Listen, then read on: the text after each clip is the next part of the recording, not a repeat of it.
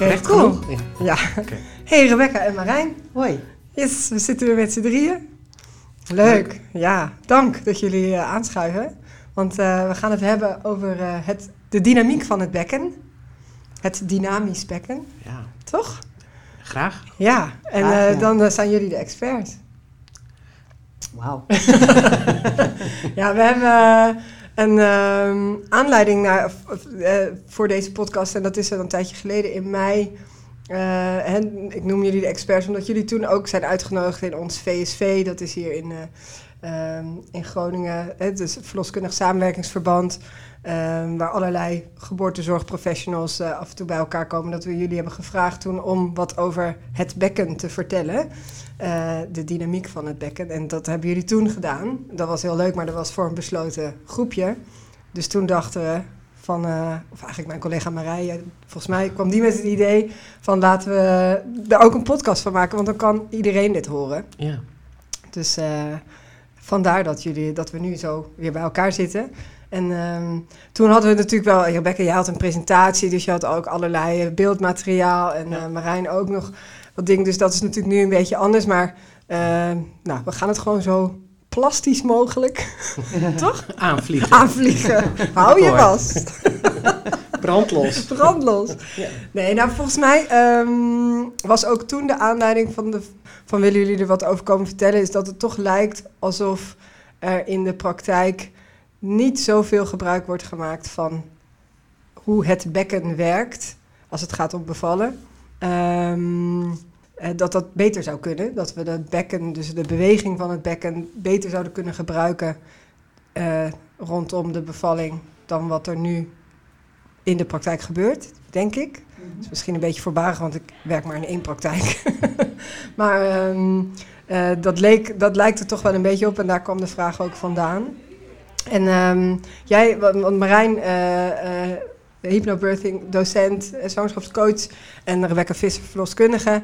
Ehm, maar Marijn, jij gebruikt het bekken ook wel veel in je cursus, toch? Dus jij, jij begint in jouw eigen cursus ook wel bij de kennis te verspreiden onder de, de zwangere zelf, toch? Over het, Ja, graag. over het bekken. Ja, Ja. en wat vertel je ze dan?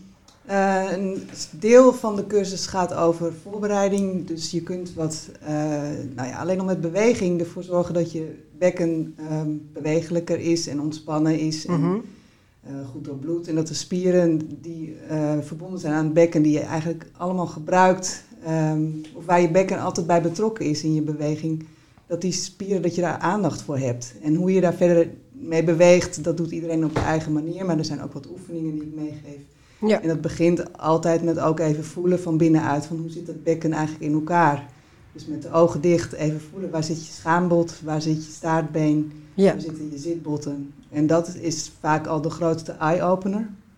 Omdat mensen daar over het algemeen helemaal hun aandacht nooit eigenlijk hebben. Nee. En ook nooit hebben geleerd eh, op school hoe dat bekken nou eigenlijk precies in elkaar zit.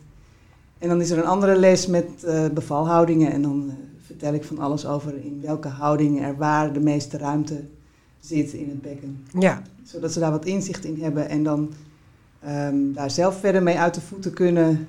Zonder stappenplan van je moet bij drie centimeter zo gaan zitten. En maar dat je het, het vertrouwen hebt van de bewegingen die ik wil maken tijdens de bevalling. Zijn dus logisch en nuttig. Ja. Ja. En ervan uitgaande dat je dus bewegingen wil maken. Als je het bevallen bent. Ja, ja, het begint al in de eerste les met wel- welke aannames hebben jullie over bevallen. Mhm. En er zit ook altijd tussen, ehm, dan lig je op je rug. Ja. Ja, dat is wat de meeste mensen altijd hebben gezien in, als klein kind al in de series. Mijn zoon kijkt Friends en nou, dan Oh ja. Rachel en Phoebe bevallen allebei liggend op hun rug, heel hard kermend. Ja. En als je, terwijl je dat ziet, zelf nog nooit hebt nagedacht Mhm. over hoe een bevalling gaat, dan blijft dat beeld heel hardnekkig vaak. Ja. Ja, en dat leer je dan verder ook niet op school bij biologie. Of je krijgt seksuele voorlichting, dus je weet de baby komt uit de vagina, maar dat daar ook nog een bekken omheen zit, Nee. daar is helemaal geen aandacht voor. Nee.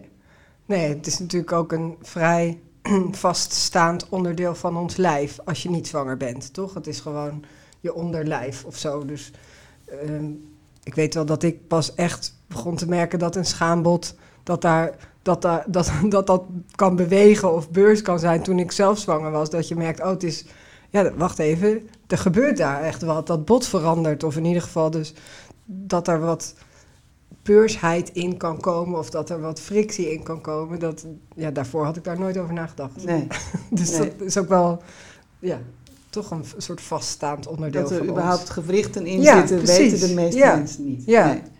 Hey Rebecca, hoe ehm, eh, kan jij eh, een eh, boekje open doen over hoe je denkt dat het komt dat eh, de meeste vrouwen op hun rug bevallen?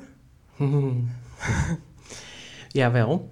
Ehm want volgens mij, ja, hoe het komt, dat is natuurlijk lastig. Want daar zijn theorieën over, hè, van hoe dat gebruik van op de Mhm. rug bevallen ergens in de 17e eeuw of in de 18e eeuw eh, gewoon is geworden. En dat dat dan inderdaad te maken had met hè, onder andere de uitvinding van de verlostang in Frankrijk. Ja. Waarbij, dus, eh, hè, waarbij er dus inderdaad ineens een mogelijkheid was om een helemaal vastgelopen geboorte eh, toch op te lossen. Waarbij dat eerder simpelweg niet kon.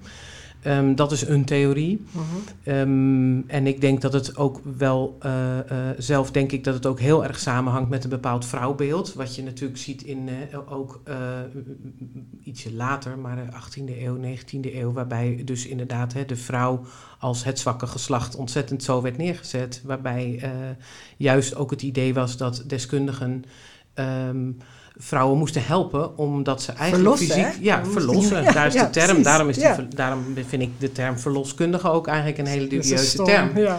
omdat je dus eh, je, je moet vrouwen ergens van verlossen Ja. en dat is een eh, dat gaat natuurlijk dat is een een fascinerend iets in onze westerse cultuur dat Mhm. we zo naar eh, bevallen kijken overigens is daarbij het is een heel westerse manier van kijken die we ook eh, zijn gaan exporteren Mhm.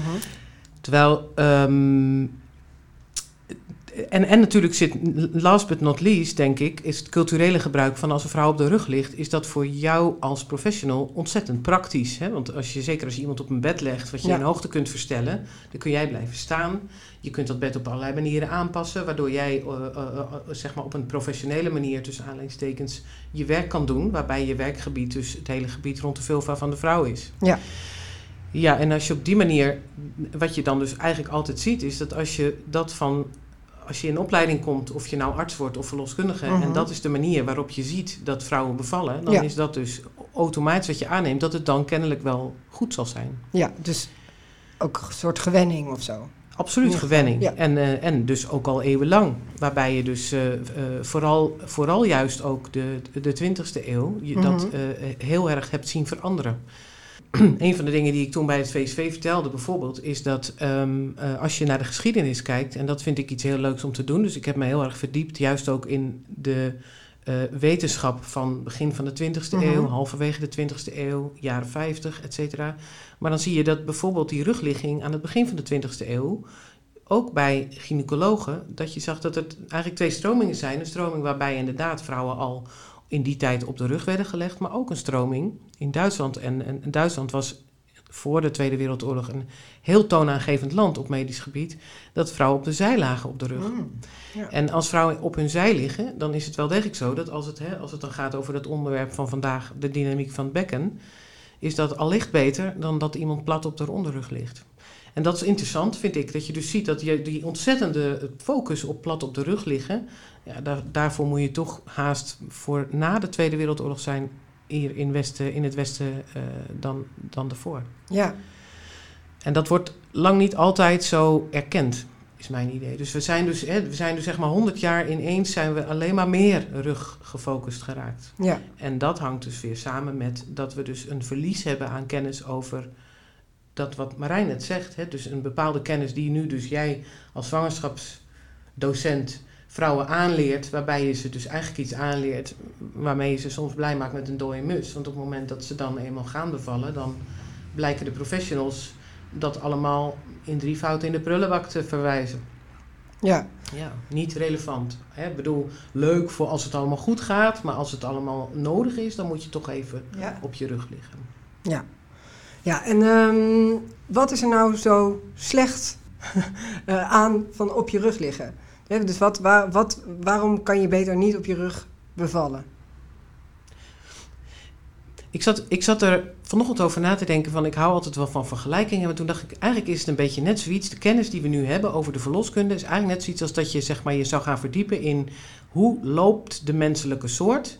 En dat je dan mensen eerst van die dikke ehm, flippers aandoet, zwemvliezen. En dat je dus, dan moet je dus, weet je wel, als je gaat rennen met van die dingen aan. Ik denk dat als je goed je best doet, dat heel veel mensen die zich daarin bekwamen ontzettend hard kunnen rennen. Op een gegeven moment dat het aan. lukt. Ja. Ja, maar, maar het is natuurlijk wel ergens een beetje raar als je dan dus Ja. dan gaat zeggen, ja, maar weet je, wat mensen nu doen, dat doen ze omdat ze ontzettend, omdat ze die flippers aan hun voeten hebben. En dat is niet, als je iets zinnigs wil zeggen over hoe de menselijke soort rent, Mhm. moet je misschien eerst hun flippers uitdoen. Ja. En dat is met de rugligging net zo. Ja. Hè? Je hebt dus een, een deel van je bekken wat bewegelijk is als, als je gaat bevallen, wat met name het sacroiliacale gewricht is, dus je heiligbeen. Ja. En daar leg je iemand plat op. Dus een, een belangrijk deel van het functionele eh, eh, gedrag van een vrouw, waarbij ze dus haar, haar lichaam, met name de benen en de rug, gebruikt als, als manieren om dat instrument te gebruiken, Ja. die, je maakt het er onmogelijk. Ja. En dan ga je vervolgens alle informatie die je hebt, ga je afmeten aan hoe een vrouw bevallen is terwijl ze op de rug lag. Snap je wat Ja. ik bedoel? Dat is, en, en dat is het probleem. Ja, nou en wat ik, wat ik ook nog weet, welk plaatje jij liet zien bij, de, bij die presentatie, was onder andere volgens mij een, heel oud graf. Hè, dus een, Ja. eh, eigenlijk een heel oud skelet. Ja, Eh, waarbij als je gewoon meer naar het, het vergane, benige eh, onderdeel kijkt van de mens, ja, dan zie je dat het, dat het bekken drie losse botten zijn. ja, Eigenlijk, hè, namelijk je hebt zeg maar je linkerheup en je rechterheup en Ja. je hebt je onderrug tot aan je staartbo- staartbotje. Dus zoals wij hebben op de praktijk ook zo'n nepbekken staan. En dat lijkt net gewoon één groot, groot bot. Ja, wat ik net ook al een beetje zei. Van het lijkt één groot statig onderdeel van je Ja. lijf. Maar dat zijn, zijn dus eigenlijk gewoon drie onderdelen die aan elkaar vastzitten. Met spieren en ligamenten en dingen. Maar die dus ook van elkaar los kunnen. Ja. Bijvoorbeeld als je al heel lang dood in de grond ligt. Ja. Bijvoorbeeld. Maar ook als je gaat Als je heel lang dood in de grond als je gaat bevallen, komt het niet zo uit nee, elkaar. niet zo los hoor jongens. Maar Nee. ik vond het dus, want het was aardig, omdat ik dus ook, ehm, eh, toen we het gingen hebben, Marijn en ik ook over in het voorbereiden voor, dat, Mhm. eh, voor, voor dat praatje bij dat VSV, dat Marijn ook echt zo'n compleet verbaasd is als ze hoort dat dit kennis is die je als verloskundige en volgens mij ook als eh, gynaecoloog nergens leert. Dus dat er dus een bepaalde kennis is over de dynamiek van het bekken van een vrouw. Waarbij je dus ziet dat een groot deel van de mensen die als professional van alles over dingen mogen zeggen, Mhm. dat doet niet gehinderd door kennis daarover. Ja. Dus als je zegt, is het bekken dynamisch?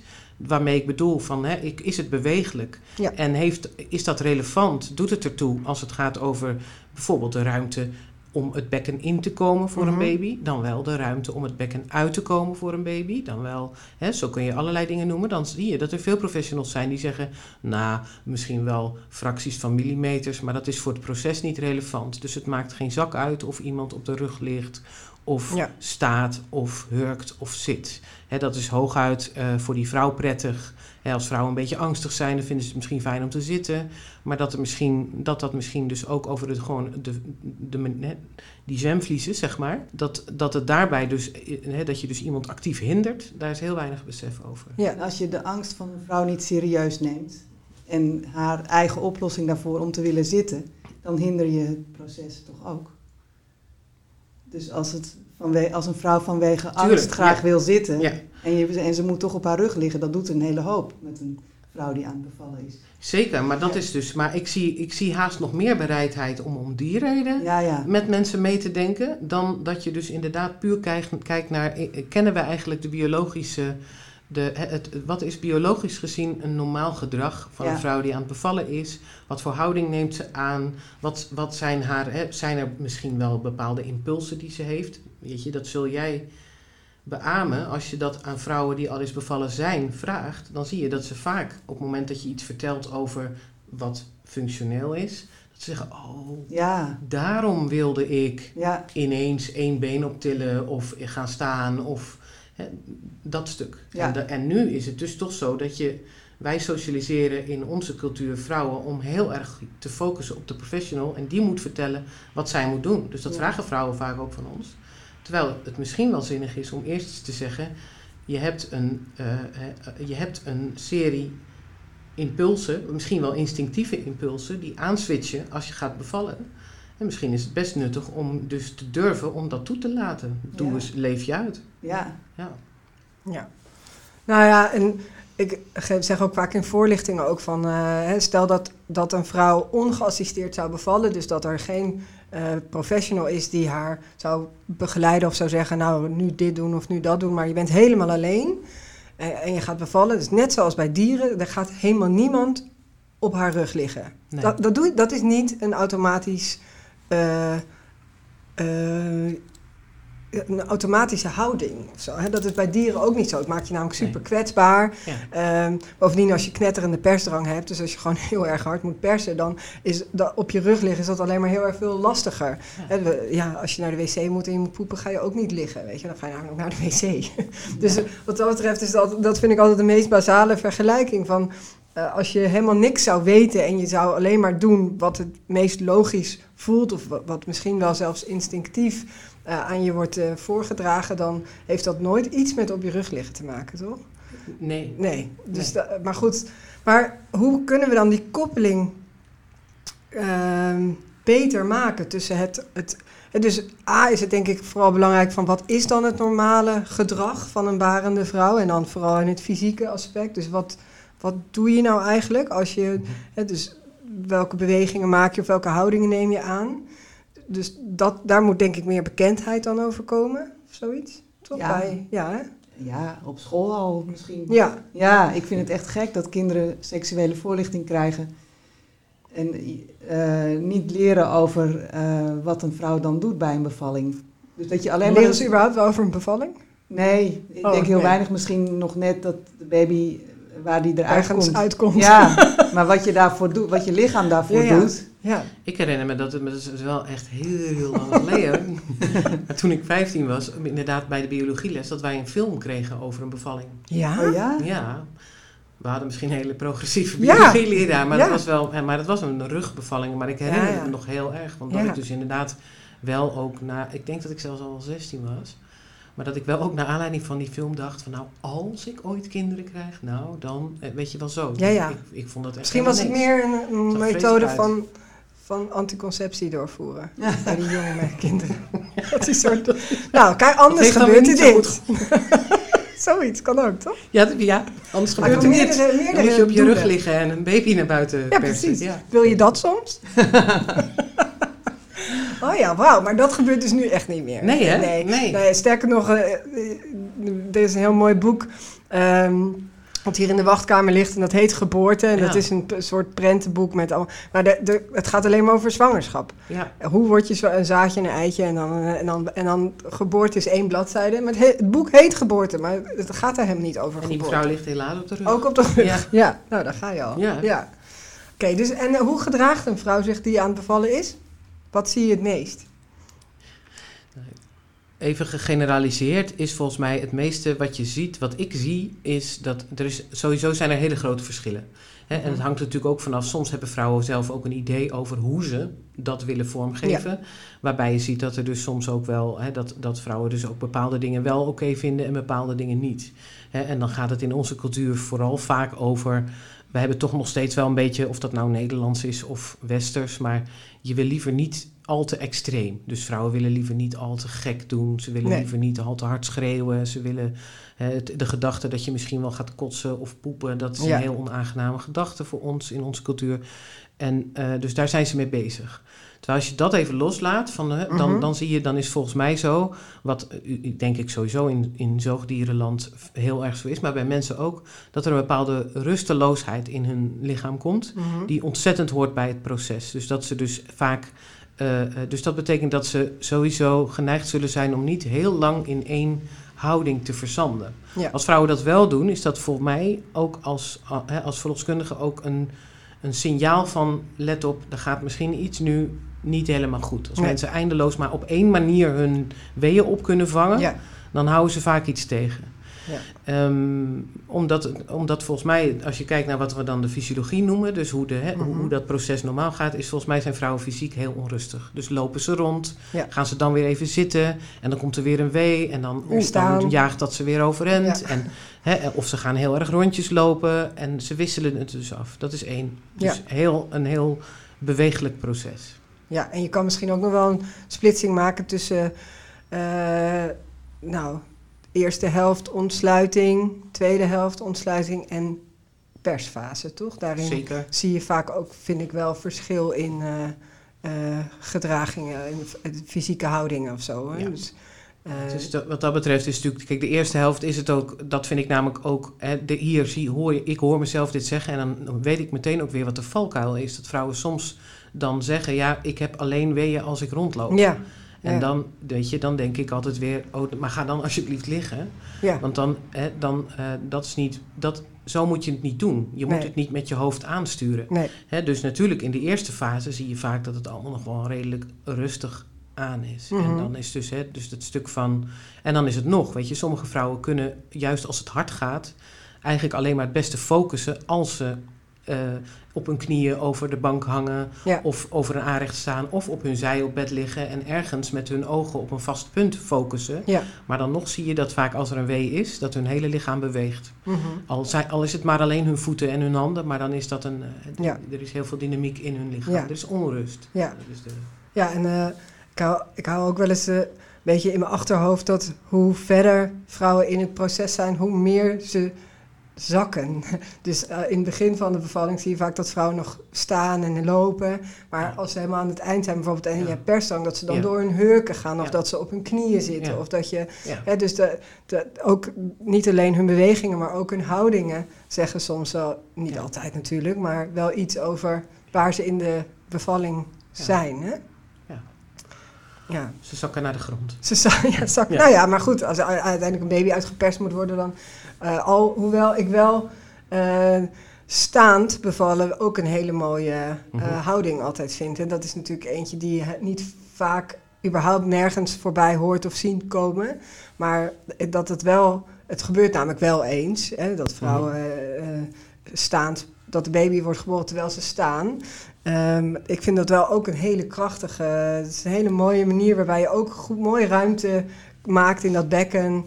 Hè, en voor ook de asymmetrische houdingen, hè, die, dus dat je één, op één knie zit en dat je andere voet op de grond staat. Ja. Um, dat is ook daarmee, als het gaat over de dynamiek van het bekken, ja, dan zet je hem wel echt goed open, het bekken. Hè? Ja, ik, dat is dus ook, want ik heb wat foto's van vrouwen die, waarbij je dus ziet inderdaad dat een, het moment waarop het hoofdje echt zichtbaar wordt. Mm -hmm. En dan zie je, uh, uh, als je juist als je dan vrouwen op een foto weet te vangen, terwijl ze zich zo spontaan mogelijk gedragen, dan zie je volgens mij, kun je in het algemeen wel zeggen dat, de, dat het laatste stukje van het persen, dat vrouwen dan in een hele asymmetrische houding zitten. Dus dat ze dus inderdaad één knie omhoog en één knie op de grond. Dat soort houdingen. Waarbij je dus niet netjes allebei je benen. Hè, dat is natuurlijk, wij hebben, als je dus ook, als ik nadenk over toen ik werd opgeleid, wat ik het mhm. verreweg het meeste gezien heb en zelf ook heel erg gestuurd, opgestuurd heb, is juist dat vrouwen dat zo gelijk mogelijk deden. Dat als ze, als ze dan op hun rug liggen, dat je dan wil dat ze allebei hun, hun benen pakken. Hè? Hun handen in hun knieholtes. Of wel allebei hun voeten op de grond laten staan, maar dan wel allebei hun knieën even hoog opgetrokken. Maar een soort van netjes recht in bed, een beetje symmetrisch. Dat idee, dat, uh, dat zag ik graag. En dat is dus dat zag ik graag omdat ik zo was opgeleid. Niet omdat ik begrepen had hoe de menselijke soort bevalt. Nee. Nou, wat was wel leuk. We hadden voordat we uh, de opname starten, hadden we het nog even over bijvoorbeeld over inwendig onderzoek doen. Hè, dat je dat ook heel erg leert uh, als verloskundige en ik denk uh, gynaecologen ook, met, bij vrouwen die op hun rug liggen in bed. En terwijl jij ook al zei, en ik doe ook heel vaak ik probeer eigenlijk altijd om op de baarkruk te toucheren. Dus dat, je, dat vrouwen gewoon zitten. Uh, en dan kan je ook heel goed inwendig onderzoek doen. Maar dat, ja, dat moet je wel leren dan van iemand. Of het een keer zelf denken van, dan, dat ga ik maar gewoon eens proberen. En dan zie ik wel bij het schipstrand. Want als je het niet leert, dan ga je het dus uit nieuwsgierigheid... of uh, ga je dat dan een keer proberen. Maar dat dat vaak voor de vrouwen wel een heel. eh, dat- dat- of bijna voor iedereen dat het een eye-opener is, dat dat ook in een heel andere houding kan. Ook in bad natuurlijk kan ik ook toucheren, maar nou ja, als je altijd alleen maar denkt, nou dan ga ik op bed liggen, dan moet ik mijn benen in de been steunen, en dan moet ze heel wijd en dan, nou ja, dan kunnen ze er goed bij. Dat is natuurlijk eigenlijk helemaal niet waar. Nee, dat is niet waar. Maar dat is dus, daar moet je dus zelf achter komen. Ja, En dat was dus ook een van de dingen die ik daarbij zelf dus zie, is dat dat. ehm, en ik ben misschien gewoon wat ongeduldig, maar eh, ik, ik geef dus al een paar jaar nu scholingen over schouderdystocie. Waarbij dus inderdaad dat topic van dat we in Nederland nog steeds zo eh, ontzettend bedgeoriënteerd zijn Mhm. rondom het bevallen. En ehm, dat, dat dat dus zo, dat dat dus eigenlijk eh, voortschrijdend inzicht ontzettend in de weg staat. Want je kan wel als vrouw je tot de tanden toe voorbereiden en inderdaad hè, bij Ja. Marijn in de leer gaan. En, eh, en dan echt hele waardevolle eh, inzichten voor het eerst zien. Bijvoorbeeld gewoon heel simpel iets als hoe je bovenbenen aan je bekken vastzitten. Ja. En hoe je dus met je bovenbenen, de twee heupbeenderen van je, ten- dat- dat die dus bewegen ten opzichte Ja. van, je, van je heiligbeen. Dat is iets waarbij je dan, hè, als, als wij als professionals dat dus eigenlijk zeg maar meelopen met wat Marijn aan het doen is, ja. dan ga je op een hele andere manier kijken naar hoe werk ik nou eigenlijk zelf.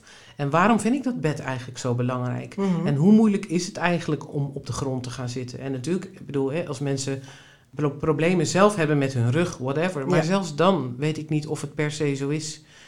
Eh, in, onze cultuur, er zijn ook al- allerlei andere stromingen bezig met nadenken over of bijvoorbeeld zitten op een stoel wel zo goed is voor je.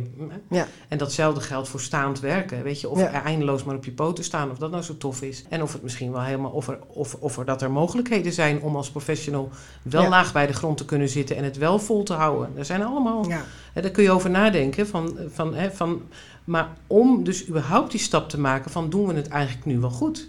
Een inwendig onderzoek.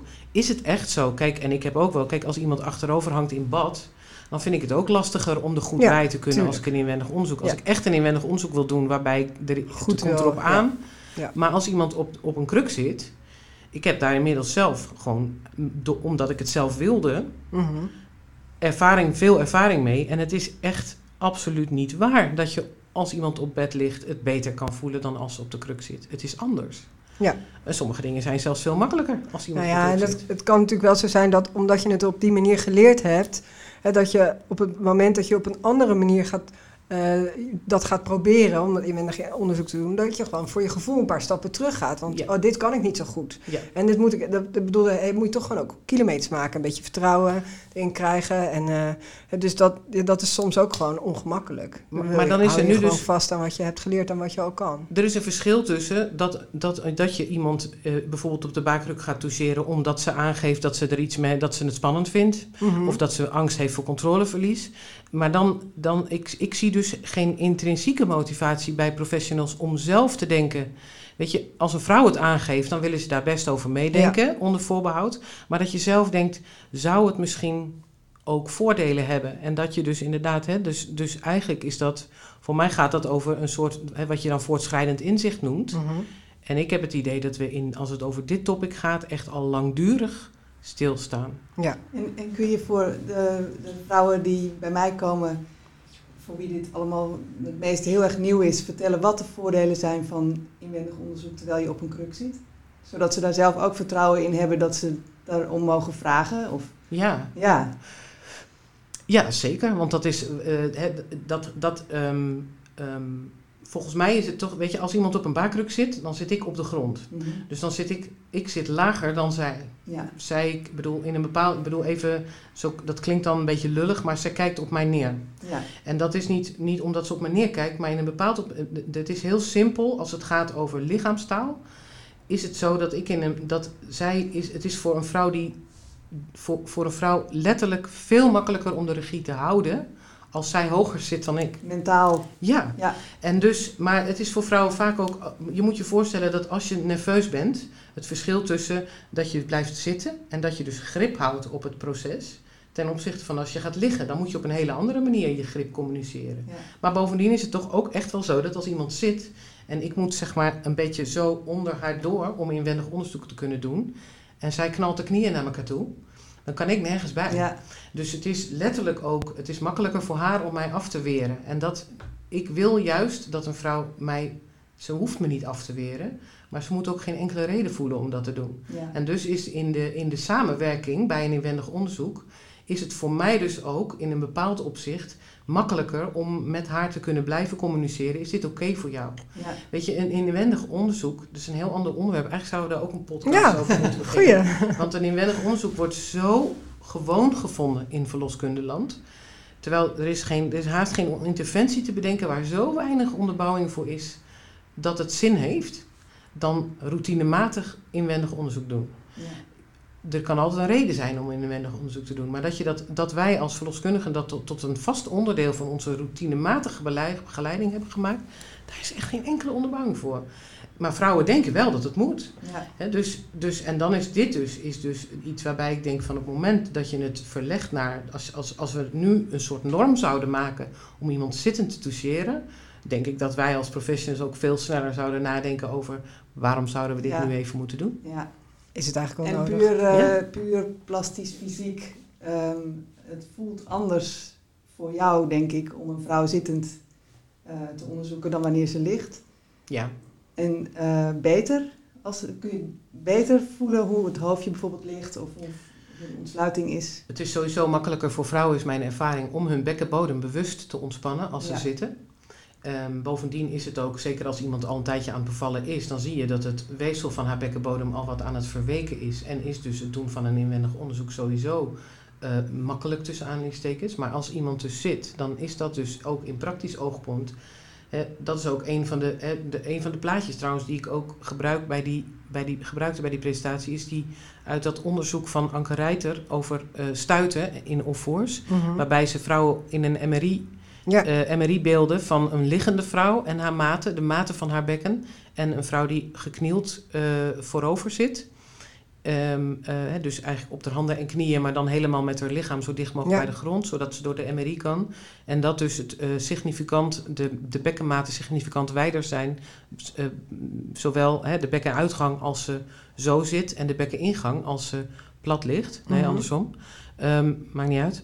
Want waar het om gaat is dat je dan eigenlijk al ziet dat dat kindje hoger zit als ze plat op de rug ligt. ja. Hè, haar baarmoeder, dus een, een vrouw die, die voorover zit of gehurkt zit, dat het hele, het, het- ha- haar baarmoeder zit dieper in haar bekken. Dus het is veel makkelijker om Ja. te bereiken. Ja, ja. Nou, en ook mechanisch. Hè? Dus de, eh, terugkomend op jouw vraag, als het, zeker als er bijvoorbeeld bij de persfase, als je twijfelt over de vordering, ehm, en wat, je dan, wat ik dan ook vaak zie en wat ik ook geleerd heb, is dat je dan, als je dan wil eh, voelen, wil toucheren, dat je dat dan, dan op bed doet en dat je dan zegt, nou, ik wacht even totdat er weer een wee komt, want dan kan ik goed voelen tijdens die wee wat er dan, wat er met het hoofdje gebeurt, wat er, wat er dan gebeurt.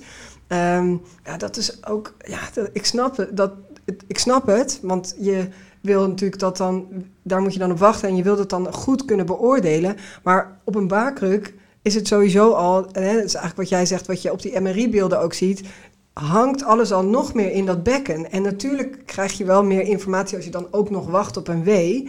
Maar even over het hele 3D-plaatje van je hebt een bekken en daar moet een baby doorheen. Het vind ik altijd dat het je sowieso al meer informatie geeft op het moment dat iemand verticaal is. Dus dan hoef je Dus- niet eens meer per se tijdens een wee. Nee. Dat, dat lijkt me ook al zo'n verschil. Of Ja. je als vrouw wordt getoucheerd tussen twee weeën door of Ja, tijdens. ja, nou ja, en, dan, en, en zelfs als je dan nog wel mee wil voelen tijdens de wee, ehm, is het een- waarschijnlijk al veel beter te doen om die wee dan en met twee vingers van binnen op te vangen ehm, als je zit dan als je op je rug ligt. Ja. Dus ook, maar het mechanische onderdeel van een, een, een zittend touché, om het even zo te noemen, dat, is, dat geeft vaak ook toch echt veel informatie. Want je kan nog beter voelen van hoe, hoe verhoudt het benige gedeelte zich met, eh, met het bekken en met de spinee en eh, qua, indaling. Dus ja, ik, ik zou altijd zeggen, zeker als je twijfelt over vordering.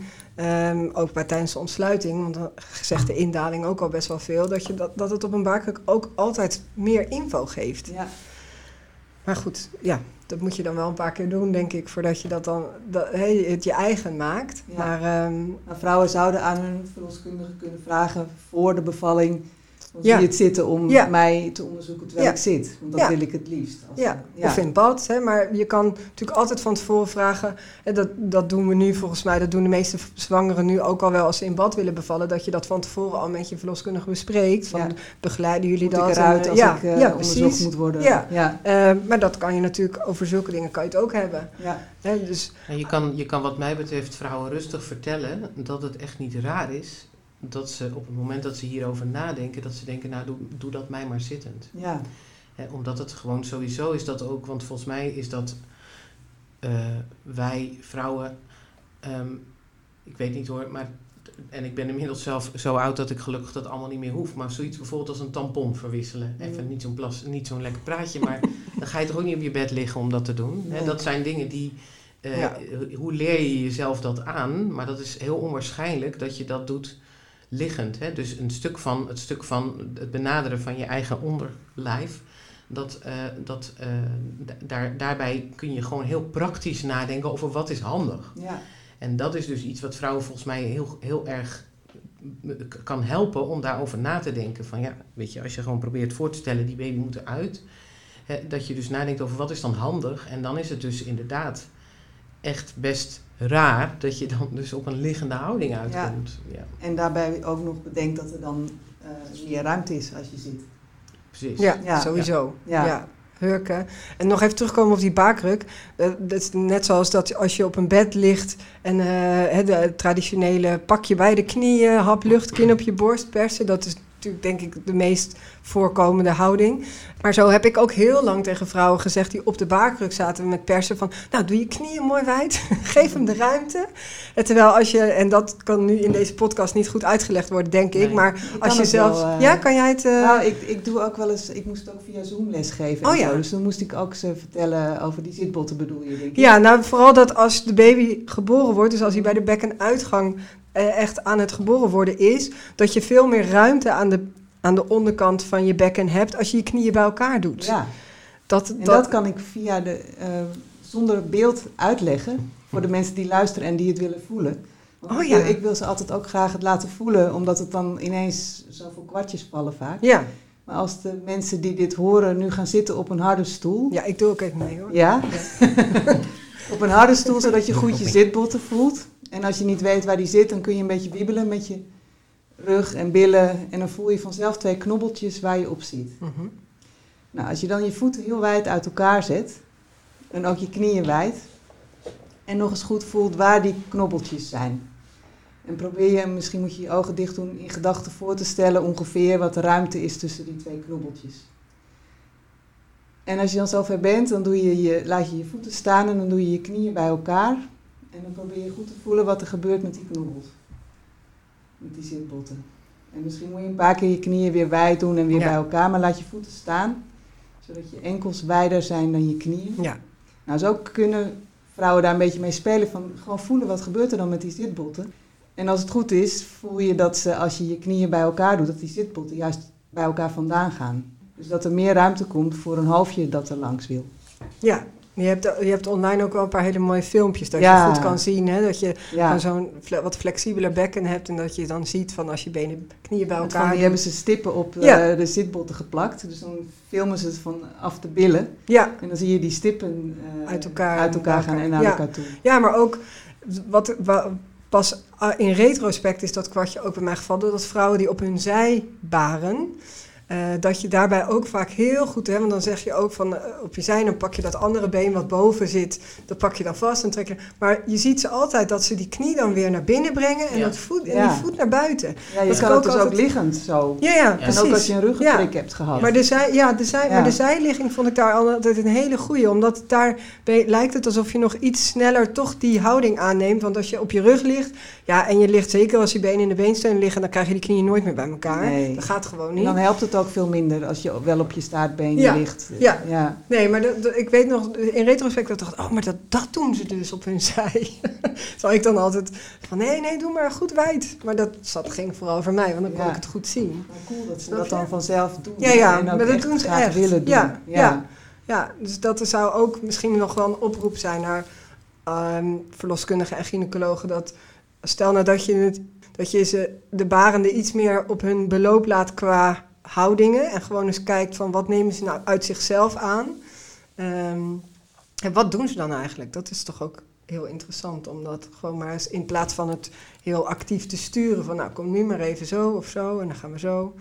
Maar als het wat losser wordt, als je het gewoon eens gaat bekijken, dan krijg je ook meer info. Ja, en, je kan, en dat kan je dus op, hè, want ik ken dus allebei de sensaties zelf ook. Ik, ik weet dus dat ik toen ik me voor het eerst realiseerde dat ik helemaal niks wist over hoe een mens, wat, wat spontaan gedrag is van een vrouw Mhm. als ze gaat bevallen. Dat ik, dus, dat ik dat dus ook als een soort van afgrond zag die ineens voor me open ging. Dat ik namelijk ook dacht van oké, dat betekent dus ook dat alle evidence die we hebben, ik hou heel erg van evidence-based Mhm. werken. Maar dat als je dus bijvoorbeeld als het gaat over een topic wat, mijn, hè, wat dus een beetje mijn specialisme is, schouderdystocie. Ja, 100% van de kennis die we hebben over dat topic is vergaard bij vrouwen die op hun rug lagen. Ja. En als je dat dus gaat zien, dat dat net zoiets is als dat je je specialiseert in hardlopen en je hebt iedereen eerst een stel zwemvliezen aangetrokken, dan realiseer je dus hoe erg het is. Want dat betekent dus dat alle kennis eigenlijk gewoon in de prullenbak kan. ja. Weet je, als ik het op die manier benader, dan vind ik dat soms ook wel eens een beetje deprimerend. Maar je kan het ook omdraaien en denken: oké, hè, er is zoiets als eh, voortschrijdend inzicht. Mhm. En dan is dit, wat mij betreft, wel echt een duidelijke call aan, aan mijn collega's: van ga nou eens op, een, op deze manier ernaar kijken, van met nieuwsgierigheid. Ja. Van oké.